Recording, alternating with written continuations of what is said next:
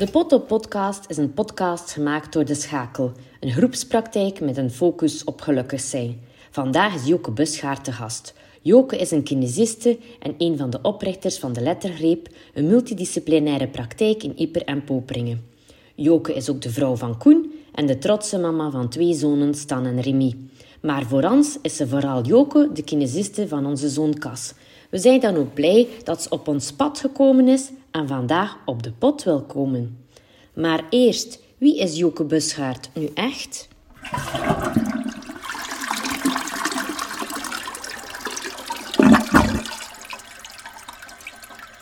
Uh, Joke Busgaard is in de eerste plaats mama van twee tienerzonen, Stan en Remy, vrouw van Koen. Dat vind het belangrijkste in mijn leven, ons gezin. Ondanks ja, dat we allebei een drukke job hebben en dat heel hard um, zoeken is naar een evenwicht. Maar mijn ding is altijd geweest, je hoeft niet altijd aanwezig te zijn voor je kinderen, maar als je er bent, moet je er echt zijn. Mhm. Dus in dat opzicht um, is ons gezin voor mij super belangrijk. Daarnaast ben ik dus kinesiste. Um, ben ik sociaal ingesteld, maar kan ik ook wel echt oprecht genieten van een dag alleen thuis, bij wijze van spreken, met een boek of uh, de krant een keer rustig lezen. Ik sport graag, maar niet intensief. Ter ontspanning eigenlijk. Uh, inspannen om te ontspannen. En ik denk dat dat een beetje het belangrijkste is. dat ik zelf zou zeggen van wie is Joke Bushaard. Oh, ja, ja. We hebben jou inderdaad leren kennen als kinesiste van ons zoontje. Dat is nu al iets meer dan tien jaar geleden.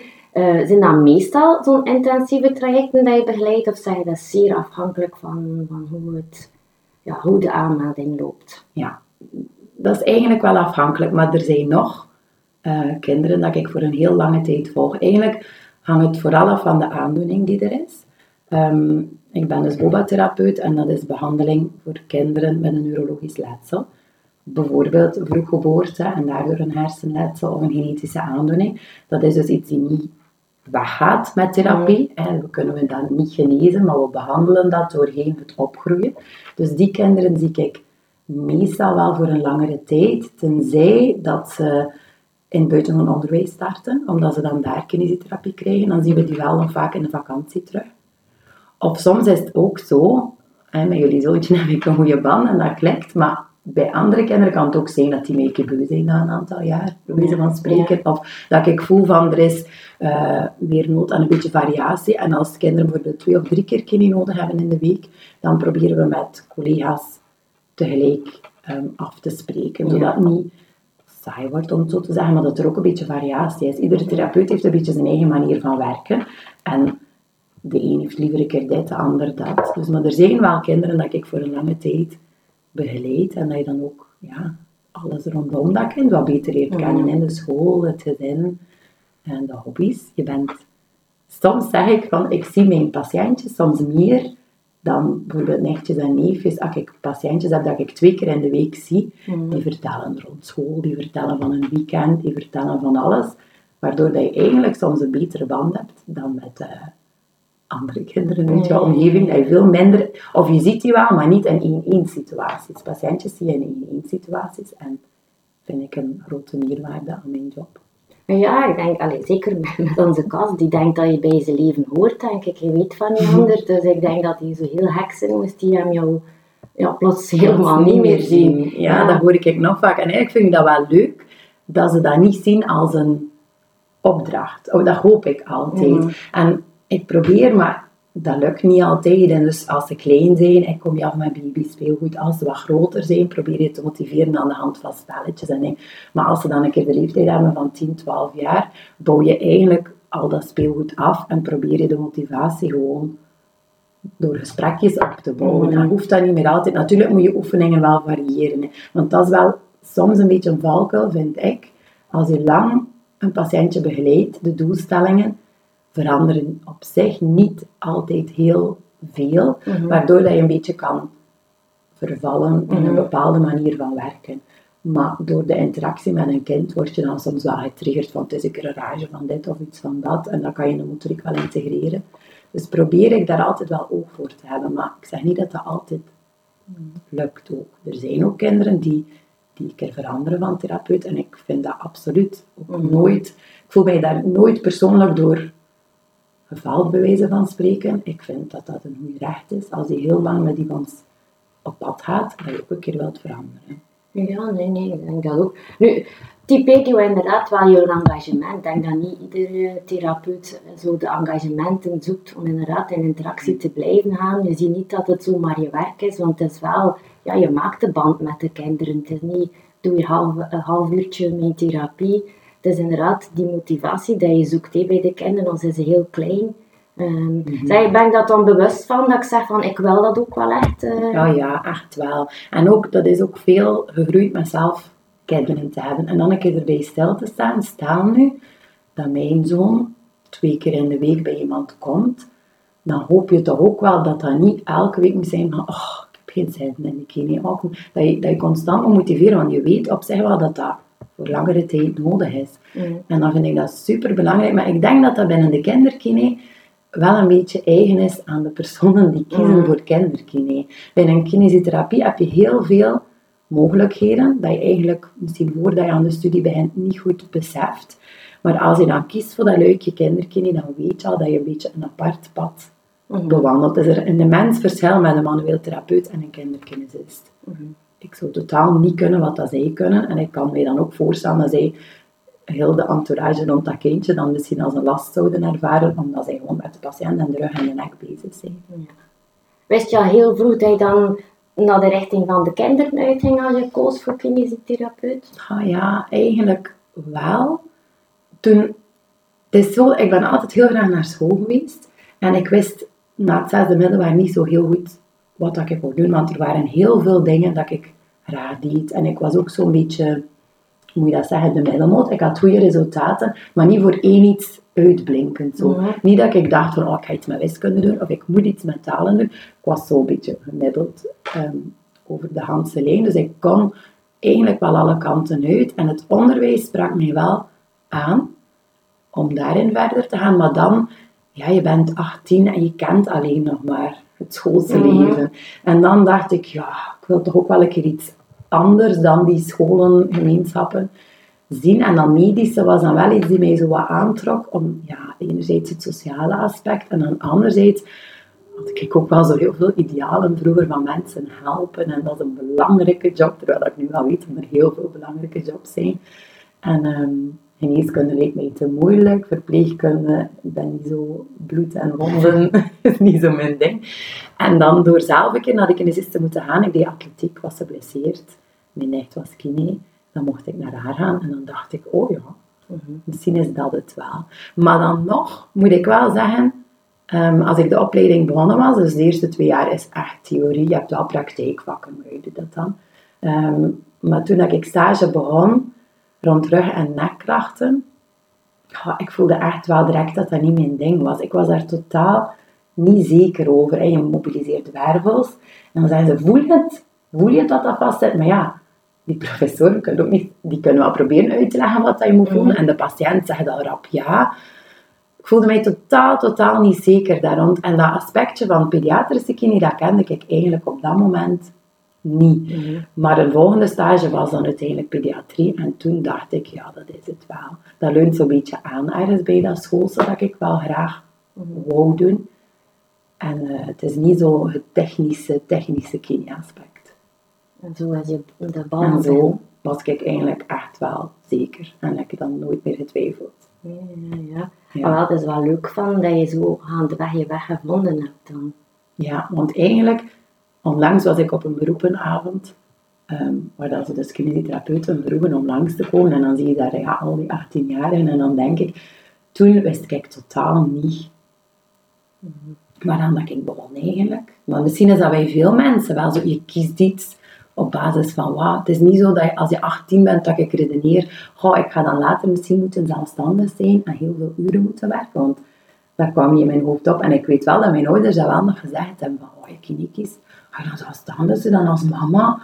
Mhm. En dan dacht ik, oh. En dan zoveel jaren later denk je dan toch, ja, dat wel toch gelijk. Maar als je jong bent, kies iets en dan ga je ervoor. En ik denk dat ik ook al ben ik nu ouder, dat ik nog altijd wel een beetje zo kies. Ik kies naar mijn gevoel en dan slaat dat soms een keer misschien tegen, maar Mhm. als het gevoel goed zit, ben je toch al Ja, ja. half vertrokken in mijn ogen. En dan is de motivatie er en dan neem je de negatieve kanten erbij. Ja, ik denk dat ook wel. Maar ja, het is wel goed, inderdaad, dat je goed kiest. Hè. Dat is inderdaad niet Ja. zo eenvoudig en dat je denkt van, we zullen een match hebben. Eh, maar het is voor jou wel een match geweest. Ja. Ja, dat werd in de stages dan eigenlijk rap duidelijk. En ook elke stage dat ik dan in mijn laatste jaar deed, want uiteindelijk heb je binnen kinderkine nog heel veel mogelijkheden. Mhm. Je kan in een ziekenhuis aan de slag, je kan echt zuiver neurologisch werken. Terwijl dat, dat als zelfstandige therapeut heb je niet enkel de kindjes met neurologische letsels, je doet ook ademhalingskine, daar komt een deeltje psychomotoriek bij. Dat zijn dan ehm, ja, kinderen met minder ernstige aandoeningen of met heel milde aandoeningen, die gewoon een duwtje in de rug nodig hebben voor schrijfmotoriek of voor ehm evenwicht, coördinatie, leren zwemmen, leren fietsen. Dus er is een heel grote variatie in wat hij kan doen. En dat vond ik altijd leuk. Je moet altijd alle opties een beetje kunnen openhouden en denken, het kan anders als je Nee, nee. je draai niet vindt. Maar Mhm. Maar je hebt dan wel snel de keuze gemaakt van, ik zal het wel voor mezelf doen. Want, of zo. Eigenlijk wel. Ik, heb, ehm, ik kon beginnen werken op een stageplaats, een aantal uren, en dat was een zelfstandige praktijk. En dat deed ik heel graag, maar ik had er ook geen uren genoeg, dus vulde ik dat dan aan met, eigenlijk wou ik van alles zo'n beetje proeven. Mhm. ik, ik woonde toen nog in Leuven en dan heb ik in een school voor buitengewoon onderwijsuren gedaan, in een therapeutisch zwembad, om zo'n beetje te voelen, wat doe ik liefst. En ik voelde wel snel, als je privépraktijk kiest, dat er een veel grotere range is in eh, patiëntjes en veel meer afwisseling. Terwijl kom je in een school voor motorische ehm, problematieken, dan heb je enkel dat en valt al de rest waarvoor je gestudeerd hebt eigenlijk een deel weg. Mhm. Kom je in een school voor enkel psychomotorische therapie, dan valt al dat neurologische weg. Dat vond ik dan zo, ik kon daartussen niet kiezen op dat moment. Mhm. En dan leek een zelfstandige praktijk de beste optie in mijn ogen. Ja, nee. Ja. En ik denk dat dat, misschien jou een beetje typeert. Dat je zegt van de afwisseling is er Ja. wel. En dat dan ook de uitdaging er iedere keer is om, om, om ermee verder, of je te verder te ontwikkelen. Dat je niet afstond. Of dat je denkt Ja. van ja, ik mag daar nog bijleren. Of mag daar nog bijleren. Ja, dat vind ik wel. En toen, weet nog goed, toen wij verhuisd waren van Leuven naar Rieper, want ik ben van eh, West-Vlaanderen, dan dacht ik, nu is het eigenlijk weer een nieuwe start, nu moet ik kiezen wat ik het liefste doe. En dan heb ik toch teruggekozen voor dat zelfstandig zijn. Dat ondernemende zit ook altijd wel een beetje in mij, denk ik. Zo'n beetje toch zelf kunnen kiezen wat je doet, terwijl dat iedereen die zelfstandig is wel weet dat je eigenlijk ook niet je eigen agenda kiest. En dat je je patiënten bepalen dat voor een groot deel. Mhm. Maar het is zo de vrijheid rond dat je hebt die mij wel uh, triggerde altijd. Ja, maar eh, je, je, allee, we hebben jou leren kennen inderdaad in jouw privépraktijk Joke Busgaard, maar nu zijn we al naar de, de lettergreep in Yper en Poperingen. Hoe is dat eigenlijk ontstaan dat het verder is binnengegroeid? is. Ja. Eigenlijk, um, ik had een goede vriendin in het middelbaar onderwijs, Lisbeth, die logopediste was ondertussen. En toen dat ik terugkwam van Leuven naar Rieper, hebben we elkaar terug een beetje opgezocht. En, of daarvoor niet echt opgezocht, maar de patiëntjes dat ik had, kwamen bijvoorbeeld ook bij haar. En in de praktijk is het heel vaak zo dat je denkt, ook ga ik hier contact opnemen met de logopediste die mijn patiëntje begeleidt, om zo een keer af te stemmen. Maar in de realiteit gebeurt dat eigenlijk niet altijd, want s'avonds kom je dan thuis en je kindjes zijn er en je papierwerk is er en je doet gewoon voort. En dan kwam Lisbeth op een dag eigenlijk met het idee van, zouden wij niet samenwerken op een bepaalde manier? Omdat als je onder één dak werkt, dat je toch al veel rapper in interactie zal gaan met elkaar en dat dat voor de mensen toch ook wel een meerwaarde is dat dat zou kunnen onder één dak. Zo is dat eigenlijk oorspronkelijk gegroeid, maar er zijn heel veel maanden, ik zeggen jaren eigenlijk doorgaan voordat dat effectief dan vorm kreeg. En het psycholuikje is daarbij gekomen omdat um, als kinderen starten, bij een logopedie moet er heel vaak een IQ-test afgenomen worden. Vroeger kon dat dikwijls door het CLB, nu minder en minder heb ik de indruk. En van mijn kant uit, wat je daarnet aangaf, ik heb veel kindjes in een langer traject, ook hun ouders. En ik voelde soms wel dat er nood was aan iets meer dan alleen de kine. Als kine luister je heel vaak, maar kan je niet altijd helpen. En er zijn kinderen met een motorische beperking die echt wel aanvaardingsproblemen daar rond hebben. En zo is dat leuke psycho eigenlijk erbij gekomen en hebben we dan beslist van, ondanks dat wij zelf niemand kenden die psycholoog was of psychotherapeut, om iemand te zoeken die ons zo kon versterken. Nee, nee, maar het is een mooi verhaal, hè, want zo, allee, het loopt nog verder, want jullie hebben ook een VZ2 uh, opgericht, de letterhop. Wat was de drijfveer dan van, oké, wij we hebben al onze de, de, twee vestingen en nu nog een keer VZ2. Ja, eigenlijk komt dat vooral, dat is eigenlijk gegroeid uit het financiële luikje. Mm. Omdat, dus logo en kine, dat was vroeger, nog, maar ietsje minder, heel oké terugbetaald. Hè. Ouders moeten daar een deel remgeld voor betalen, maar dat is aanvaardbaar. Mhm. Maar dan kwam er dus een psycholoog bij ons team, of een psychotherapeute, en dat was eigenlijk een heel ander verhaal. Dat was iemand die bachelor psychotherapie had gestudeerd en de therapeutenopleiding bezig was, maar er was zo goed als geen terugbetaling, denk ik, mhm. of heel minimaal.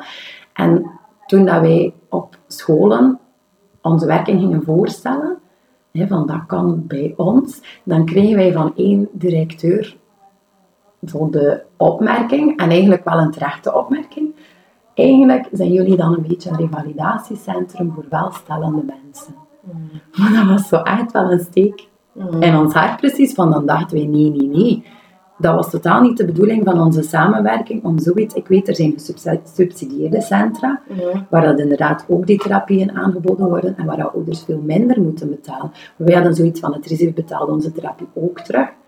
Maar natuurlijk, ja, dat psycholuikje veel minder. En zo is dat idee gegroeid, ook van een andere praktijk, dat we dat wisten die dat deden. Maar dan begint het, ja, je richt een VZ2 op om die terugbetaling een deel te verminderen. Maar dan moet je natuurlijk geld ronselen. En het zijn allemaal niet een bepaald type mensen die dat graag doen. En dan was dat, ja, wat doe je dan? Begin je dan serviceclubs aanspreken? Of, en dan is uiteindelijk, heb ik deelgenomen aan een tv-programma om dat een klein beetje in de verf te zetten. Nog zo'n impulsieve beslissing. Dat ik mij misschien wel een beetje beklaag. Maar daaruit is dan wel voortgevloeid dat we het, dat we het echt gedaan hebben. En dat dat wat bekend wording gekregen heeft. En dat er nu dus een potje wordt aangemaakt om enerzijds tramgeld van mensen die het moeilijker hebben te verminderen. En hoe weet je nu dat iemand het moeilijk heeft? Want ja, iedereen heeft het moeilijk tegenwoordig, bij wijze van spreken. Dat doen wij niet. Oh, we doen daar zelf geen onderzoek over, want dat vinden wij te, te privacygerecht. Eigenlijk moeten de mensen bij een stadsdienst gelijkwaar een uitpas aanvragen. En dat is een kaartje waarmee dat iedereen kort, nee, niet iedereen korting kan krijgen, waar dat iedereen puntjes mee kan sparen als je bijvoorbeeld gaat zwemmen, als je naar een culturele activiteit gaat van het stad en dergelijke. Maar mensen die recht hebben op het sociaal tarief, dus die het iets moeilijker hebben, hebben een andere code op de uitpas. Mm En daaraan kunnen wij zien van oké, zij kunnen tegemoetkoming krijgen via de VZ2 mhm. of niet. Want dat is natuurlijk altijd moeilijk de grens trekken. Hè. En dan ben ik er nog zeker van dat dat niet altijd ja, dat er heel wat mensen ook deugd zouden hebben van een duwtje in de rug en dat dat nu niet kan. Maar ergens moet je een beetje een grens trekken. Ja, het is al een stap vooruit, denk ja. ik. Eh. Ja. Maar we proberen echt wel niet alleen, want dat financiële, dat is nodig. Hè. Dat, dat financiële biedt mogelijkheden, maar eigenlijk is kandarmoede ja, arm zijn aan kansen. Het woord zegt het zelf. En, en ons doel is om die VZ2 natuurlijk financieel draaiende te houden voor een stuk. Maar ook wel kinderen die weinig kansen krijgen, kansen te kunnen bieden. Mhm. Door dingen te organiseren, door... Uh, er is een projectje rond meertaligheid, mm bijvoorbeeld nu anderstalige kindjes die, die opgroeien met ouders die zelf geen Nederlands kunnen, hebben sowieso al minder kansen mhm. in het onderwijs bijvoorbeeld, maar ook qua hobby's en dergelijke. Het is niet altijd alleen financieel. En dat proberen we een beetje uit te werken, maar ja, doordat we allemaal wel heel veel therapeut zijn ook, komt dat altijd zo nog een beetje op de tweede plaats. En ons doel is nu in 2023 om daar toch een beetje meer werk van te maken, om dat toegankelijker te maken voor iedereen en niet enkel op dat financiële leukje ja. in te zetten. Nee, nee, ja, het is, uh, het is inderdaad uh, waar en, en, ja, we waren er al over bezig, de terugbetaling.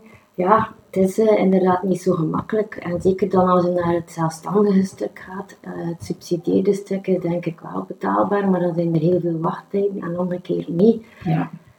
ja. Dat maakt het zo moeilijk, hè? Want dan bellen soms mensen voor therapie op te starten. En dan moet je inderdaad zeggen, bij ons ligt het tarief iets hoger dan in het gesubsidieerd centra. centra. Maar langs de andere kant, als ze twee jaar moeten wachten om te starten, dan ontneem je ook weer kansen. Mhm. En ergens kun je denken, oh, ouders hebben dat altijd over voor hun kind. En dat is waar. Maar het moet ook haalbaar zijn. Sommige mensen hebben vier kinderen, vijf. Ja, Mhm. je weet nooit wat zit er daarachter. Wat is de reden dat ze het niet kunnen doen? En als je dan zo'n telefoontje krijgt en de mensen zeggen, het zal dan niet lukken, dan denk je echt wel van, tju, dat is niet de bedoeling. Maar langs de andere kant kan je ook niet gratis therapie aanbieden. Dat is ook niet de bedoeling natuurlijk.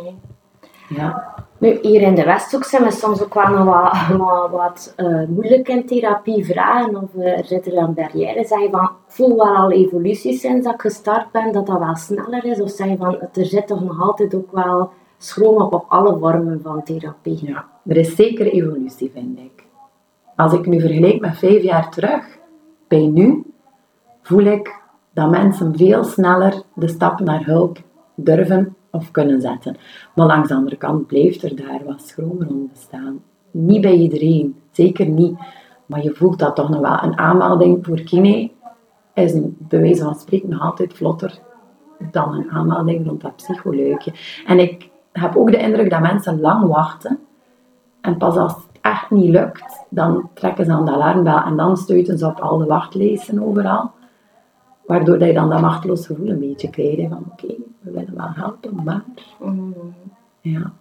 Nu, ik denk ook sowieso, ja, logopedie is ook wel al iets, iets meer aanvaardbaar, maar inderdaad schrijfmotoriek of rolmotoriek, het is toch soms nog, denk ik, een blinde vlek, dat er daar ook wel nog wat ondersteuning kan. ja. En weet wel, heel veel mensen die ook vinden van, oh, dat is toch niet erg. Mhm. Als ze nu niet goed schrijven, of als ze nu niet kunnen fietsen of zo. Dat wordt zoiets, ja, vroeger waren er ook die motorisch minder handig waren. En dat is zeker, ah, ik snap die mensen ook ergens wel. Niet iedereen hoeft perfect ontwikkeld te zijn en alles te kunnen. Maar hetgene dat met zich meebrengt voor een kind is soms wel ernstiger en kan met een aantal sessies verholpen worden. Bijvoorbeeld, stel nu, er is een heel krampachtige pengreep. Oké, dat is geen ramp, dat kind kan schrijven. Maar dan komen ze in het vierde, het vijfde, het zesde. Wordt dat moeilijker en moeilijker. Verliezen ze punten door dat geschrift. En we leven wel in een puntenmaatschappij. Ik wil daar niet altijd aan meedoen. Maar dan denk ik soms een keer vijf sessies rond die vingermotoriek en handmotoriek. En dat is verholpen, bij wijze van spreken. Waarom zou je dat dan niet doen? En hetzelfde rond grovenmotoriek. Niet iedereen is een atleet. Dat weet ik. Ik ben zelf ook geen atleet, bij wijze van spreken. Maar als ik dan meega, soms ga ik mee naar het zwembad. Ehm, wanneer een school naar het zwembad gaat, als het bijvoorbeeld gaat over een, een kind met spina bifida die niet alleen mee kan zwemmen in de zwemles met de leerkracht, dan mag ik mee om te begeleiden. En dan zie je soms wel andere kindjes uit de klas die geen ernstige problemen hebben, maar die nog niet hebben leren zwemmen omdat ze schrik hebben of om ja, gelijk welke reden, omdat het moeilijk is misschien. Dan moeten die alleen in het kleine badje een beetje oefenen. En natuurlijk gaat de leerkracht zijn of haar best doen, zeker. Maar als je 25 kinderen voor jou hebt, kan je niet eentje apart leren zwemmen. En dan vind ik dat altijd zo jammer dat er, oh, dat is toch niet erg. En dan denk ik, ja, als je dat wel kan aanleren in een 1-1 situatie, waarom niet? Er zijn zoveel zwemfeestjes, ze gaan met de jeugdbeweging zwemmen. Dat zijn altijd de kinderen die weer uit de boot vallen. Dan nee, ik kan niet mee, want eigenlijk kan ik dat niet. Dan verzinnen ze om duur smoesjes omdat ze dat niet kunnen. Dat, is, dat hoort er nu gewoon bij, dat iedereen dat kan. En als je dat niet kan, val je toch weer, word je ook, hè, krijg je die kans niet. En dan denk ik, kom aan, eventjes, wat kun je daar rond doen? Is in mijn ogen zeker zinvol.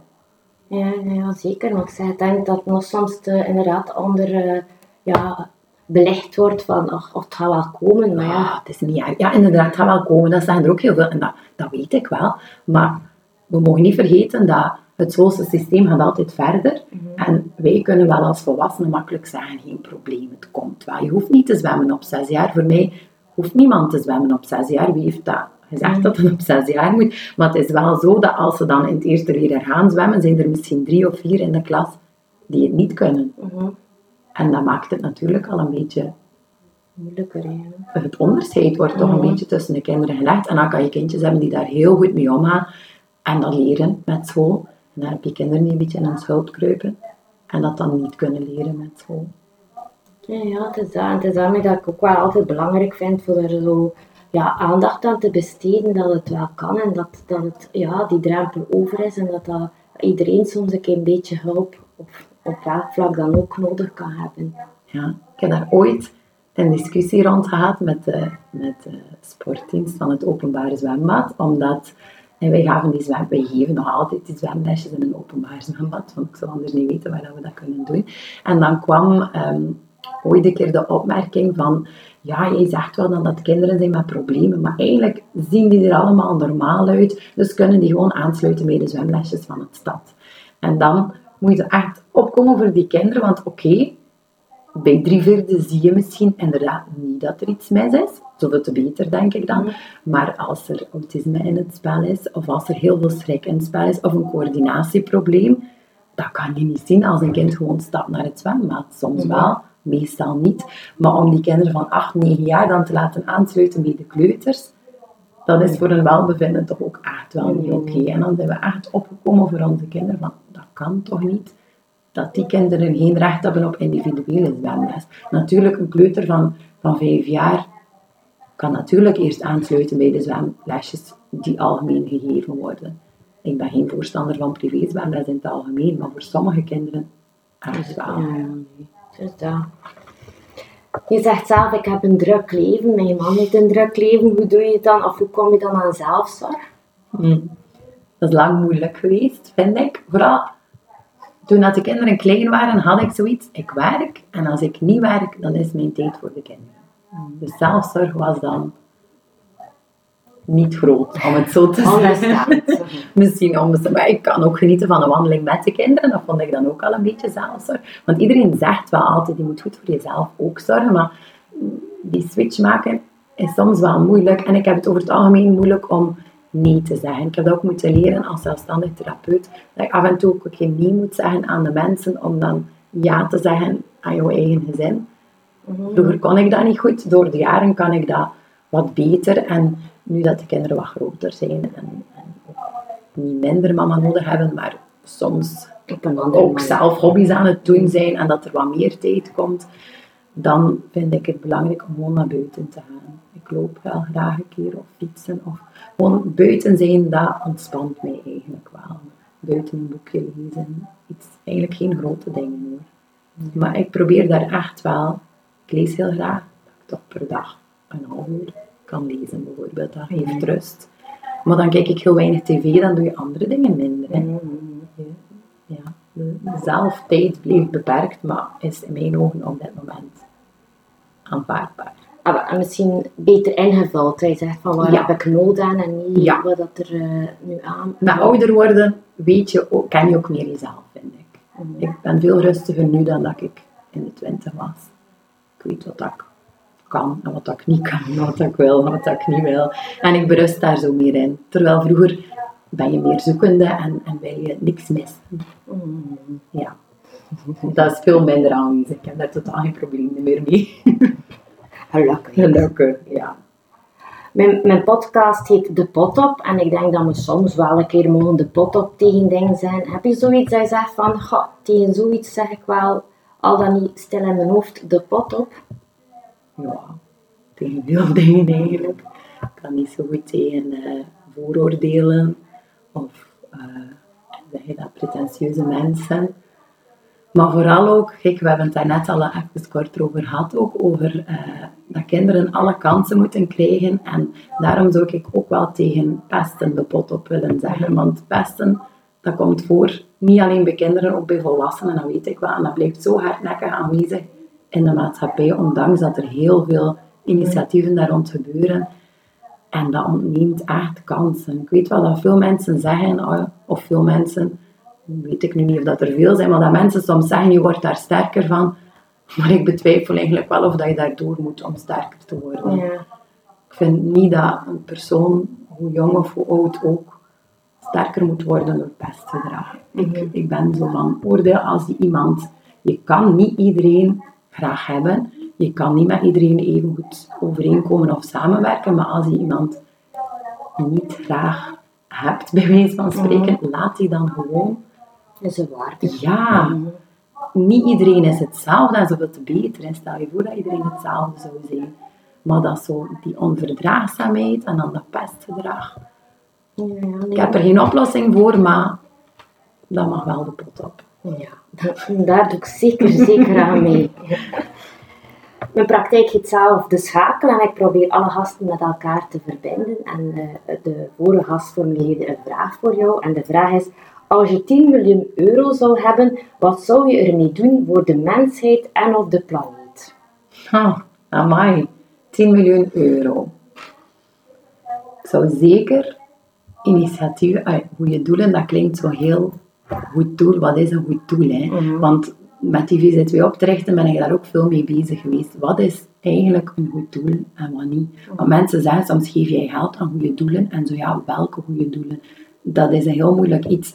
Goede doelen rond gezondheid zou ik zeker ondersteunen, want ik weet dat bijvoorbeeld onderzoek naar kanker, dat heeft toch al heel wat met zich meegebracht, die nu veel mensen redt of helpt, ook al blijft het een ernstige ziekte. Dus ik zou zeker een deel van dat budget aan de wetenschap geven, denk ik, omdat ik daar echt wel in geloof dat bepaalde aandoeningen hopelijk met tijd genezen kunnen worden daardoor.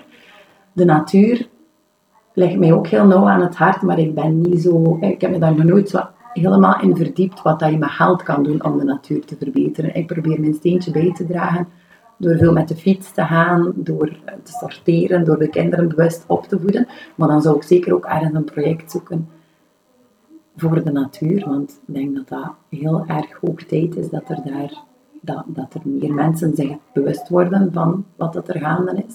Soms hoor je van bijvoorbeeld een oude wagen die hier niet meer mag rijden wegens uitlaatproblemen, dan gaat hij naar Afrika of naar ik weet niet welk Oosters land en daar mag hij wel nog rijden. Terwijl dat, dat toch dezelfde atmosfeer is die bevuild wordt, dus daar is volgens mij ook wel nog zeker werk aan. En dan zou ik, omdat dat therapeutische deeltje mij zo nauw aan het hart ligt en omdat ik ook echt voel dat kinderen, jongeren, volwassenen daar heel erg mee geholpen worden, ook op dat vlak een deel willen investeren. Dat dat, wat dat de overheid dan niet kan bieden aan terugbetaling, wat ik heel jammer vind, dat dat dan misschien door zo'n heften wel zou kunnen. Ja. beetje een ideaalbeeld, beetje een ideaalbeeld misschien, maar kom. Oh nee, maar ja, we hebben idealen nodig, denk ik, om, om, te blijven geloven en te doen wat we doen elke dag. Hè. En uiteindelijk is België geen uh, slecht land op vlak van terug. Er zijn heel veel medische zorgen die wel goed terugbetaald worden. Hè. Dat wil ik ook niet zeggen dat we hier totaal niet goed leven, absoluut niet. Maar de evolutie van therapie en terugbetaling is niet zo positief, vind ik eerlijk gezegd. En dan denk ik, kan er wel nog wat uh, ja, kan in verbeteren. Ja, ja, daar geloof ik ook wel heel, heel veel in.